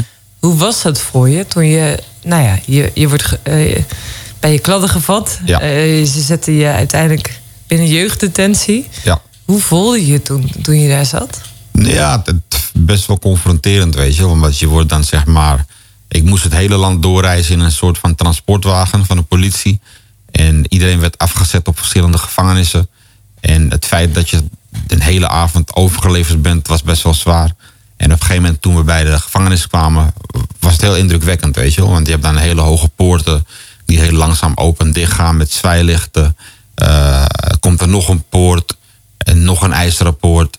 Dus het leek wel of je in een soort van labyrint van, van, van gevangenisdeuren zeg maar, eh, door werd gestuurd. En vervolgens kom je dan op een soort van visi- visi- visiteerkamer waar je alles moet uittrekken. En, en ja, moet laten zien van oké, ik heb wel of niets bij me. Dus er zit ook een stuk vernedering in. Maar ook heftig, want je was 14, Eh, 13. 13 jaar. Ja. Gewoon nog een kind. Ja, het is gewoon, eh, ja, het is een hele aparte wereld, weet je. Moet je veters moet je uitdoen. Alle, alle dingen, zeg maar, die, die maar ervoor kunnen zorgen dat je jezelf kan schaden. En toen ik erbij stil stond, dacht ik van wauw. Dus, dus zij denken dat ik eigenlijk, zeg maar, mezelf, weet je wel. Dat ik er een eind aan wil maken. En dat, het feit dat, dat, dat, dat werd gedacht of zo, dat daar voorzorgsmaatregelen voor werden genomen, vond ik ook wel zo heftig, weet je. Want ik was wel depressief om eigenlijk, om eerlijk te zijn. Heel veel jongeren, zeg maar, zodra ze in een gevangenis komen, raken ze depressief. Omdat ze geen uitzicht hebben. Weet je, totdat ze een veroordeling hebben. En dan weten ze van, oké, ik moet zo lang zitten. En dan is het al En je hebt strafblad voor de rest van je leven. je hebt een strafblad. Dus er komt zoveel bij kijken wat invloed heeft op de rest van je leven. Dat je. Ja, het is, is gewoon een, een plek waar je liever niet wil komen, weet je wel. En, maar op het moment dat je die dingen doet, dan besef je het niet. Dan denk je van, ja, dit is voor nu. En we denken, later kijken we wel verder. Maar ja, de consequenties zijn dat je gewoon voor de rest van je leven door wat achtervolgt. Ja, en dat is natuurlijk ook het lastige. Hè? Dus eh, als je kijkt naar het puberbrein. eh puberbrein kan oorzaak en gevolg nog niet zo aan elkaar koppelen. Dus als 13-jarig jochie eh, ben je helemaal niet bezig met wat zijn de gevolgen. Wat als ik gepakt word of wat dan ook. En ergens komt dan later die bezinning van... oh shit, hier, eh, hier heb ik de rest van mijn leven wellicht last van. Ja, ik bedoel, weet je wel, ik, kon natuurlijk wel vooruitdenken.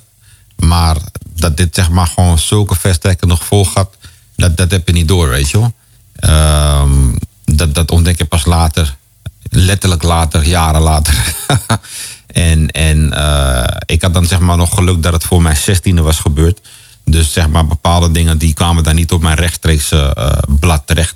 Maar stel dat ik ergens zou willen solliciteren wat een officiële functie was, dan zou ik er wel eh, problemen mee krijgen. Ja, want dan moet je een VOG aanvragen. Klopt. En die krijg je dan niet zo Die krijg je er niet. Ja. Tegenwoordig eh, zijn ze iets flexibeler. Maar het hangt er vanaf zeg maar, wat je hebt gedaan. Weet je, als je bij wijze van spreken de ABN AMRO zeg maar, eh, hebt leeggehaald... dan kan je niet eh, daar solliciteren als uh, baliebediend of zo. Maar ja, het is natuurlijk als je het nieuws een beetje volgt. De steekpartijen onder de jongeren is vandaag de dag gewoon dagelijks nieuws. Klopt. Eh, eh, eh, ook gasten van 13, 14 eh, jaar die daarin voorbij komen. Mhm. Dus je zegt, hè, vroeger was daar wel een beetje een code dat je van kinderen afbleef. Dat, Ja. dat je die niet bij zou betrekken. Ja. En jammer genoeg is het vandaag de dag niet meer, zei je net. Nee, als je kijkt naar bepaalde drugsdelicten, weet je, jongeren die krijgen vanaf een achttal pakketjes mee om eh, te vervoeren. Eh, jongeren, zeg maar, weet ik veel, van, van 12, 13, zeg maar, die worden gevraagd of geronseld om te verkopen. En eh, ja, als ze niet meer willen, dan moeten ze alsnog doen, weet je wel. Dus ze worden gewoon een soort van klem gezet.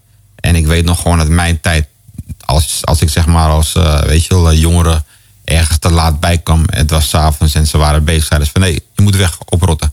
Weet je wel, je gaat er niet bij zitten. Ga maar wat anders doen, ga spelen of zo. En, en ik vond dat mooi. Weet je wel, omdat zij, zij beschermden daar toch wel enigszins ons mee. En, en ik vind het jammer zeg maar, dat die code gewoon nu weg is en zo. Dat er eigenlijk gewoon ja, niet meer die integriteit is van nee, we moeten zeg maar, onze jongeren beschermen, want wij doen dit wel.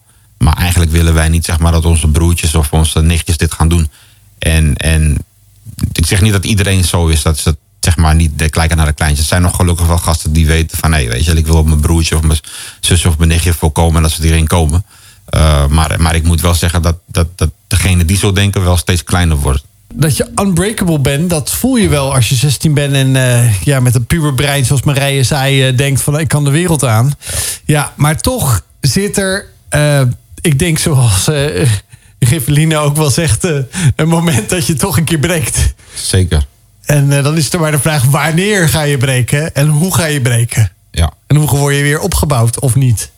Want ik denk dat daar eh, regelmatig mensen in jeugddetenties of in gewone detentie zullen breken. Maar dan is de vraag, ja, val je weer terug, zoals ze dat dan wel onderbiedig zeggen, Ja. in je oude patronen, of pak je nieuwe dingen op? Dat zal je ook eh, genoeg eh, zien in de plekken waar je komt. Jawel, kijk, dingen zeg maar. In, in de meeste gevangenissen heerst er eh, standaard een macho cultuur. Dus je mag zeg maar niet breken waar iedereen bij staat. Of waar iedereen bij zit.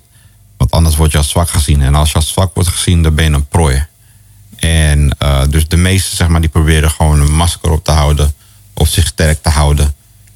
oprecht. En ja, dan het breken gebeurt dan op de eigen cel. Of, of in speciale groepen waar er wordt gesproken, weet je wel. Dan, dan is er nog een beetje ruimte voor. Maar ja, op het moment zeg maar, dat iemand breekt, dat, dat biedt een kans, weet je wel. Want als je zeg maar gebroken bent, ja, wat ga je doen? Dan moet je je of afhankelijk stellen van, van God. Of je moet hulp vragen aan iemand en ermee over gaan praten. Eh, maar dat biedt een kans. En dan, dan kan iemand zelf denken van... oké, dit is eigenlijk niet wat ik wil. Hier word ik niet blij van. Ik wil een ander leven leiden. Dus breken, ja, dat biedt ook kansen. Je zei net dat, dat heel veel jongeren die in, binnen detentie komen depressief zijn of worden. Ehm, eh, is dat ook iets wat je benoemt, ook met dat breken? Dat ze, dat ze het even niet meer weten, dat ze geen toekomstperspectief meer hebben. Maar dat het juist ook een plek kan zijn waarin ze dus dan juist kunnen denken: "Hé, maar dit leven wil ik niet meer. Ik wil echt een ander leven, hoe moeilijk dat wellicht ook is. Ja. ja, kijk, ik heb heel veel gesprekken binnen detentie, weet je. Want ik heb heel veel mijn eigen verhaal verteld. En eh, je merkt wel dat er een respect is, weet je. Van oké, je hebt het zeg maar gehaald. made it out. Je bent goed terechtgekomen, kijk waar je nu bent. Eh, maar dan is het de vraag van, oké, ja, weet je wel, wat ga ik doen? Want sommigen zijn dan, omdat ze in een groep zijn, ja, nee, eh, ik, eh, ik weet het niet. Ik eh, zit gewoon mijn tijd uit. Ik wil zeg maar, weet ik veel wat behalen. Dus, dus is- sommigen zijn wel gewoon echt wel met de toekomst bezig. Hoor. Van, ik wil een baan of ik wil zeg maar gaan studeren. Ik wil een hobby of een huis, boompje, beestje. Ik wil gewoon rust hebben. Dus dat durven ze wel gewoon te zeggen. Ehm, maar, maar gewoon echt zeg maar uitkomen ervoor van ik ga stoppen en ik ga een ander leven leiden. Dat zijn vaak één op één gesprekken. Binnen de één op één gesprekken dan krijg je zeg maar de echte persoon te zien. Dan mag de masker af. Weet je. Ja, ik heb, ik heb ooit een eh, documentaire ge- gezien over criminaliteit in Groningen. En dat ging ook over dat al die gasten erg met mega messen met, eh, op zak liepen. Ja. En die zeiden, ja, maar ergens houdt het op. En dan ga ik een normaal leven opbouwen. Ja. En ook wel het bizarre, zeg maar. De, de gedachte dus dat je opeens dus uit die criminaliteit eh, weg kunt stappen. Ja. Eh, als je een strafblad hebt, dat niet meer hebt. Maar ook dat je nergens vijanden hebt gemaakt. En dat je dan dus een normaal leven op kunt bouwen. Eh, wanneer is dat punt, dat kantelpunt? Dat je zegt, eh, dan kan je nog uitstappen. Is dat er überhaupt? Of begeef je je gewoon op zo gruwelijk glad ijs...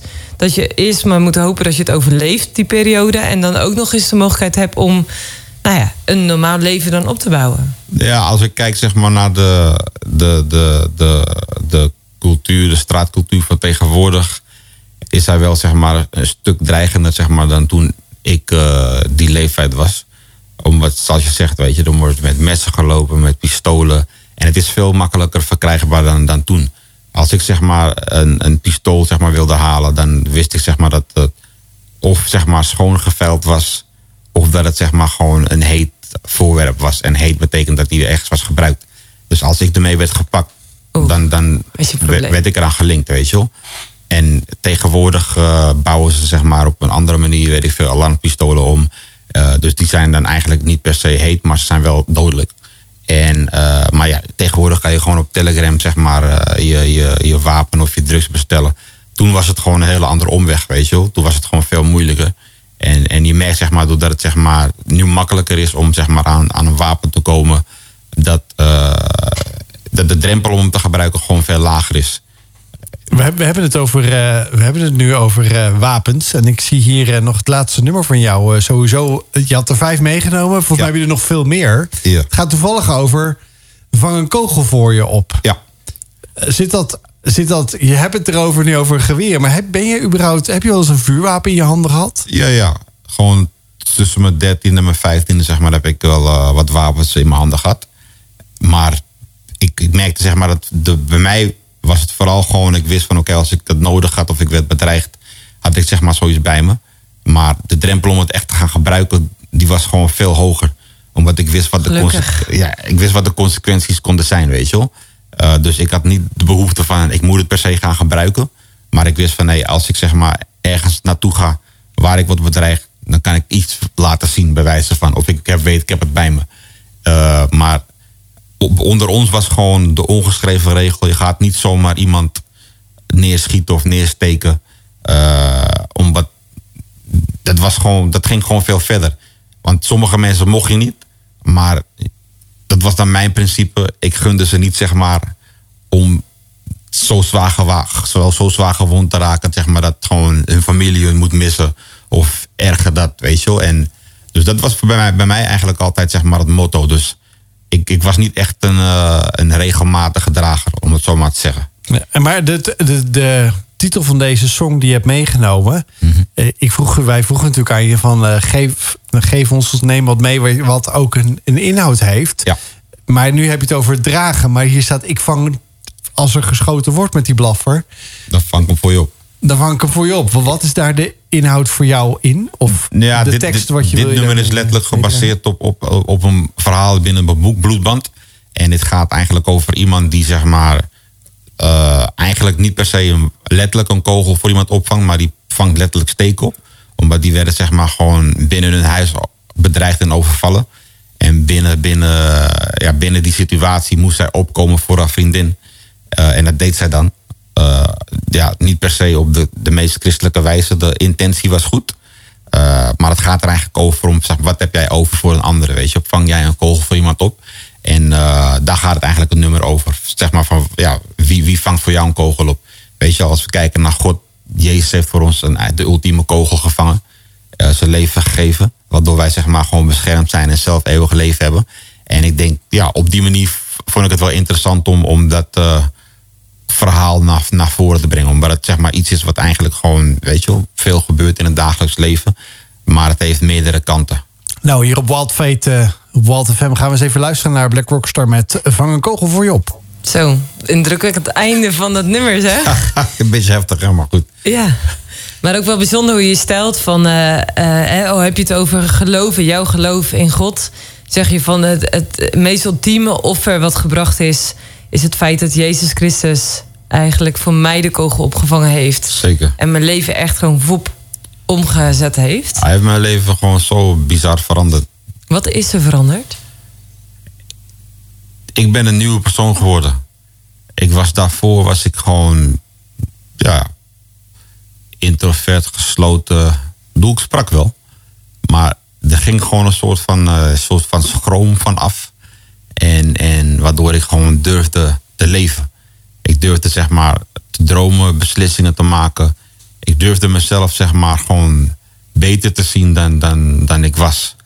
En beter bedoel ik mee dat ik, ik durfde te geloven van dat er een soort van hoopvolle toekomst voor me was. En, en ja, dat, dat is letterlijk zeg maar gewoon eh, levend geworden. Dat is gewoon realiteit geworden. Maar het is wel bijzonder, want je zat in de bias als eh 13-jarige jochie. Eh, eh, ergens kwam je daar in, in die jaren daarna achter van... Hè, ik, ik bevind me op een pad, ik wil dat dus niet meer. En je zegt, hè, er is ook echt een ommekeer gekomen in mijn leven. Ja. Stel je daarmee dat, dat wie je dan ook binnen detentie tegenkomt... of binnen je werk of als je optredens geeft...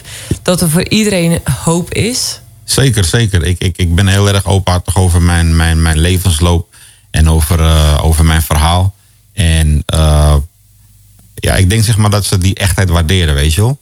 En dat ze daarin een stukje hoop uit kunnen putten van hé, deze persoon komt van heel ver. En hij neemt de moeite om speciaal naar mij toe te komen.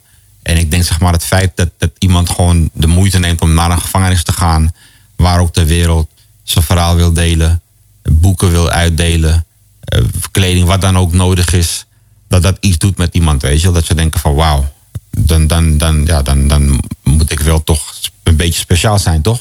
Ik moet denken aan wat Jezus stelt. Hè, dat, dat je juist voor degene die in de gevangenis zit... en je dan liefde toont, aandacht toont... en, en eh, iemand wellicht kleedt of voor iemand zorgt... of iemand laat zien van... hé, hey, ik ben er wellicht speciaal voor jou... Ja. dat dat echt eh, leven brengt. Dat dat echt genade tonen is aan iemand. Zeker, dat geloof ik ook. Gewoon, dat is liefde tonen. En, en ik heb het meerdere keren gehoord van, van jongeren die ik bezocht. Of van, van volwassenen. Dat ze gewoon zeiden van nee, dankjewel. Weet je, dat je hier bent gekomen om de tijd te nemen. Om een verhaal te vertellen, om muziek te maken. Het is voor hun even een, een, een, een moment van eh, uitlaatklep. En, en liefde mogen ontvangen zonder, eh, zonder voorwaarden. Ja, want ergens stelde je net, en dat raakte mij toen je daarover deelde, over een moment dat je breekt. Niet in de groep, want dan laat je je masker vooral op. Maar dat je ergens in de confrontatie, dus met jezelf, misschien wel alleen op de cel, echt, nou ja, misschien wel het meest nare in je leven tegenkomt. En dat jij zegt van nee, ik wil juist een stukje licht, een stukje hoop brengen. Misschien wel juist voor die momenten dat ze daar eh, op hun bed zitten en, en het misschien even niet meer weten waar ze het vandaan moeten halen. Klopt, klopt. Weet je, ik doe dat op verschillende manieren. Via, via de muziek die ik maak, eh, via de persoonlijke verhalen en via de boeken. En, en, en ik ben toevallig bezig met mijn tweede boek, De Keuze die je maakt, om die te vertalen naar het Italiaans. Eh, want ik, ik ben uitgenodigd om in heel veel gevangenissen te gaan optreden in Italië. Hoe kom je dan in Italië? Ja, ik, ik, ik ben ooit zeg maar in 2006 een keer uitgenodigd op een festival in Rome. Eh was Rock on Christmas Festival. Of Christmas on the Rock, ik weet het niet meer. Rock on the Rock was het. Van Danny en Maureen. zijn twee oud-zendelingen die ooit in Amsterdam hebben gewoond. En die hebben toen een soort van festival opgezet. En eigenlijk vanuit die ontmoeting heb ik toen iemand ontmoet, eh, Jonathan. En die nodigde mij twee jaar later op zijn festival uit in Turijn. En eigenlijk heb ik met hem altijd contact gehouden. En twee jaar geleden nodigde hij mij uit voor een ander festival weer. En eh, op een gegeven moment zei ik tegen hem van... nee, ik doe nu veel in gevangenissen. En ooit hoop ik zeg maar in Italië wat te doen. Zei hij van, is goed man bro, let's do it. En toen heb ik gewoon gebeden. En ja, vorig jaar ben ik dus... Voor, of nee, paar weken geleden ben ik voor het eerst in de gevangenis in Turijn geweest om mijn verhaal te vertellen. En graag, ja, graag wil ik dat boek gewoon nu overal daar gaan uitdelen. Dus ik heb een crowdfund opgezet. eh, waarbij ik zeg maar eh, hopelijk genoeg binnenhaal om het boek te vertalen, te herdrukken en dan in gevangenis te kunnen uitdelen. Dus als mensen bij deze luisteren en ze denken Ja, van nee, dus dat was echt meteen Ja. de vraag: waar kunnen ze eh jou supporten als ze zeggen: ik wil bij die crowdfunding aanhaken? ja, als ze gewoon naar GoFundMe gaan eh, en ze zoeken op eh, vertaling eh, boek Rivellino, of ze tikken mijn naam in, dan kunnen ze zeg maar de, meedelen aan de crowdfund. Of ze kunnen gewoon naar mijn website gaan, blackrockstar.com. En dan zit die gewoon in de social feed tussen een van de berichten. Ja, tof. Hey. En ook via je Instagram waarschijnlijk. Ja, via mijn Instagram, Black Rockstar, B-L-A-C-K-R-O-C-K-S-T-A-R. Dan kunnen ze gewoon berichten vinden of via de link in bio. En dan kunnen ze gewoon, weet je wel, supporten of delen. Alle hulp is welkom. We zitten nu op 60%. Dus eh, ja, nog even. We komen er hopelijk. Oh, lekker. Ik denk het wel. Dus, eh, A Time for Everything hier op eh Walt FM eh, met eh, Walt Fate. We zijn hier vanavond weer heerlijk in gesprek met Revelino Richters. En nou, Marije, ik geniet altijd van deze woensdagavond... dat we hier zoveel gasten al afgelopen jaar... en eigenlijk al twee jaar, want volgend jaar... Hebben we ons tweejarig jubileum. Ja, dat, ik, ik moet nog even nagaan. Ik zat serieus net na te denken over wat zouden we iets voor iets tofs kunnen gaan doen met ons tweejarig jubileum. Misschien kunnen we wel eens kijken of dat er een artiest of zo, of artiesten, misschien hier wel iets willen doen of zo. Gewoon Eh, live in de ja, studio. Ja, live in de studio. Dan, eh, misschien kan ik wel even eh, een of andere goede geluidsman regelen die hier, die hier even goed geluid Alias doen. Joost. Nee, nee, nee. Oh, want ik doe, ik doe hier radio presenteren Ja. met jou. Maar ik zit serieus even na te denken. Tweejarig jubileum. Dus sommigen zullen denken, ja, twee jaar, wat is dat nou? Ja, je moet dus weten, er wordt vaak gezegd dat duo-presentatie het lastigste is in radio maken. Sowieso, misschien ook wel, maar sowieso in radio maken dat... Ja, wie is nou de baas, zou ik maar zeggen? Hè? Of wie doet nou het grote werk? Ik weet jij het hebt de broek aan, Joost. Dus, eh, Nou ja, vandaag eh, wel toevallig. Maar eh, ja, jij had vorige week ook de broek aan. Dus dan wordt even de vraag. Nou ja, ze zeggen, ja, jij zit hier achter de knoppen. Ja, ik kan het ook naar de knoppen helpen natuurlijk. Het is mooi ja, bekijkt. Dat is inderdaad. Maar we moeten daar eens over na gaan denken. Nou, wat mij nou leuk lijkt, maar dat is even een spontane pop-up idee, is waarom dat we niet gewoon een avond hier, inloopavond organiseren met een aantal artiesten. Gewoon Ja. een feestje. Feestje, nou, we moeten eventjes kijken wat we daarvoor kunnen regelen. Dat is, lijkt me wel een heel leuk idee. Dat we daar. eh, ja, dat hoeft natuurlijk niet op de dag eh suprem, maar dat kan ook in de maand zijn of zo. Dus we moeten eens eventjes kijken. Misschien hebben we al één artiest hier eh, zitten die wel eh, zegt van ik kom wel even een eh, even lekker live hier een optredetje doen. Of een nummer met een voice track gezellig eh, Zeker. even doen. Nou, kijk, we hebben, we hebben er al één binnen. Die eh, Black Rockstar, die, die gaat komen in ons Wacht op de tweejarig uitnodiging, jubileum. dus, Hey, maar echt, eh Rivelino, jou, dank je wel voor het delen van je verhaal. ja, graag gedaan. Want ik denk, als je nu luistert en je denkt... eh, ik vraag me af of dat wel hoop is in mijn leven, in mijn situatie. Nou, als jij iets laat zien... Gewoon het, het trauma van het verlies van je vader. eh, Alle shit die daarna kwam. Ook in keuzes die je zelf gemaakt hebt. Ja. Verkeerde mensen die je tegengekomen bent. Of in ieder geval mensen met wie je ingelaten hebt. En dat je echt op een gegeven moment op een kruispunt merkte van... oké, wat ga ik nu kiezen? Wat wordt de betekenisgeving in mijn leven? En dat je daarna een ontmoeting had met God zelf. En dat je zegt, heel, heel mijn leven is ondersteboven gezet. ja. Stel je voor dat iemand nu luistert en je zegt... Hey, ik zou je eigenlijk iets willen zeggen. Misschien is het wel iemand die een geliefde in de gevangenis heeft zitten... of die zelf in de bij zit en die zegt... nu met al die dagen voor kerst...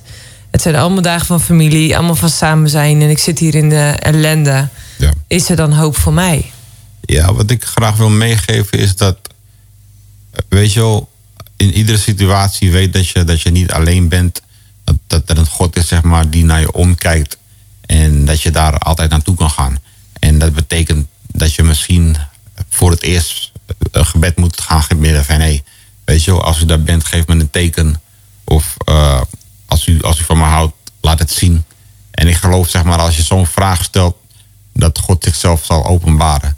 Weet je, en het kan zijn dat door, door iets heel geks. Dat kan zijn door, door, door eh, eh, iemand die je komt opzoeken, of door een brief die je krijgt, of door een boekje wat je krijgt, of door eh, ja, soms misschien een miertje. Ik heb ooit iemand, weet je, in mijn boek heb ik iemand geïnterviewd en die werd in de isoleercel gegooid en die zag een vliegje. En dat vliegen werd gek genoeg zijn vriend die dag. En, en van dat vliegen, zeg maar, kwam weer een boek wat hij las. En, en voor het eerst ging hij toen gebeden tot God. En hij kreeg gewoon heel veel rust over zich heen. Ehm, maar ik geloof gewoon als je om een teken vraagt, dat je gewoon een teken gaat krijgen. Ook als je dingen hebt gedaan die het daglicht niet kunnen verdragen. Ook als je ergens zit terwijl je weet... ja, maar ik zit die verdraaid wel omdat ik zelf dingen heb gedaan... die ik beter niet had kunnen doen. ook dan. Ik heb, ik heb zeg maar van, van, van ja, jongeren die zeg maar de heftigste, ja, echt heftige dingen hadden gedaan, heb ik gewoon meegekregen dat zij, ja, weet je, gewoon zich toch ergens geliefd voelden toen ze die keuzes maakten voor zichzelf. Ze deden dat zelf op hun, op hun cel of, of in gesprek met iemand. En, en ze merkten zeg maar gewoon van nee, er is, er is, er is een verschil, weet je. En ook binnen sommige eh, eh, jeugdgevangenissen of binnen PI's kan je naar een, eh, naar een kerkdienst gaan. Er wordt er gelukkig wel iets georganiseerd. En daar kunnen ze ook gewoon met een geestelijke praten. Weet je, je kan een gesprek aanvragen met een dominee of, of een geestelijk verzorger. En met die persoon kan je gewoon in gesprek gaan. En als iemand nu voor kerst een boek weg wil geven aan iemand die in de gevangenis zit... kunnen ze dan via je website ook boeken bestellen... van ja, misschien wel hele rauwe verhalen... waar toch een stuk hoop in doorklinkt? Ja, zeker. Als ze naar cnpublishing.nl gaan, kunnen ze ja, uit meerdere boeken kiezen. Ze kunnen kiezen uit de keuze die je maakt, mijn levensverhaal. Of bloedband met relaties over in naar detentie. Vanuit verhaal vanuit de moeder, de vader, broertje, zusje. Of vanuit lifestyle. En lifestyle is meer gebaseerd op van oké, hoe ga ik om met conflict situaties als persoon en, en wat zegt de Bijbel daarover.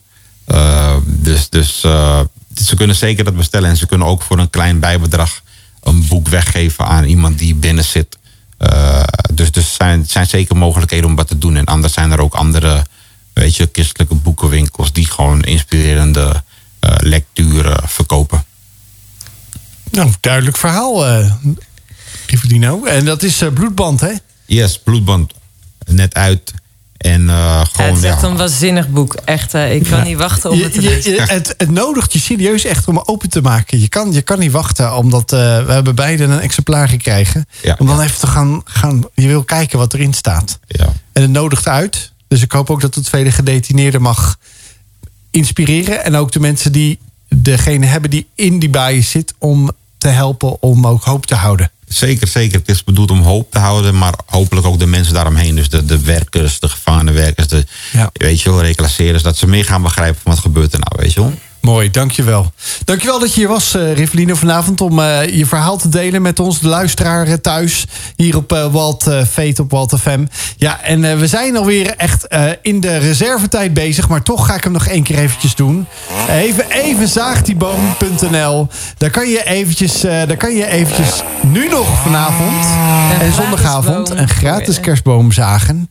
dus we mogen er drie weggeven, dus ga daar even naartoe. En ik heb nog één laatste op de valreep. Uh, de Bowery, die laatst hier was, Rokus Maasland... die doet samen met Elise Manna een kerstoptreden... met diner en alles en nog wat erbij. Op uh, 15 december hebben ze nog kaarten beschikbaar. Dus zeg je van, hé, hey, daar wil ik bij zijn. Uh, het kost wel wat, maar het is echt helemaal culinair. Fantastisch met muziek en alles erop en eraan. Echt Zo. volle bak kerst. Ga dan naar uh, thebowerymusic.com... en laat je heerlijk verwennen die avond. Dankjewel Marije voor deze laatste huishoudelijke mededeling. En een hele mooie, want uh, de Bowery is een waanzinnig gave band. Net als blackrockstar.com, daar kan je vanavond uh, de, nou ja, de muziek luisteren, terugluisteren, kopen, beluisteren die hier vanavond gedraaid is onder andere. En nogmaals bedankt voor je komst en tot volgende week.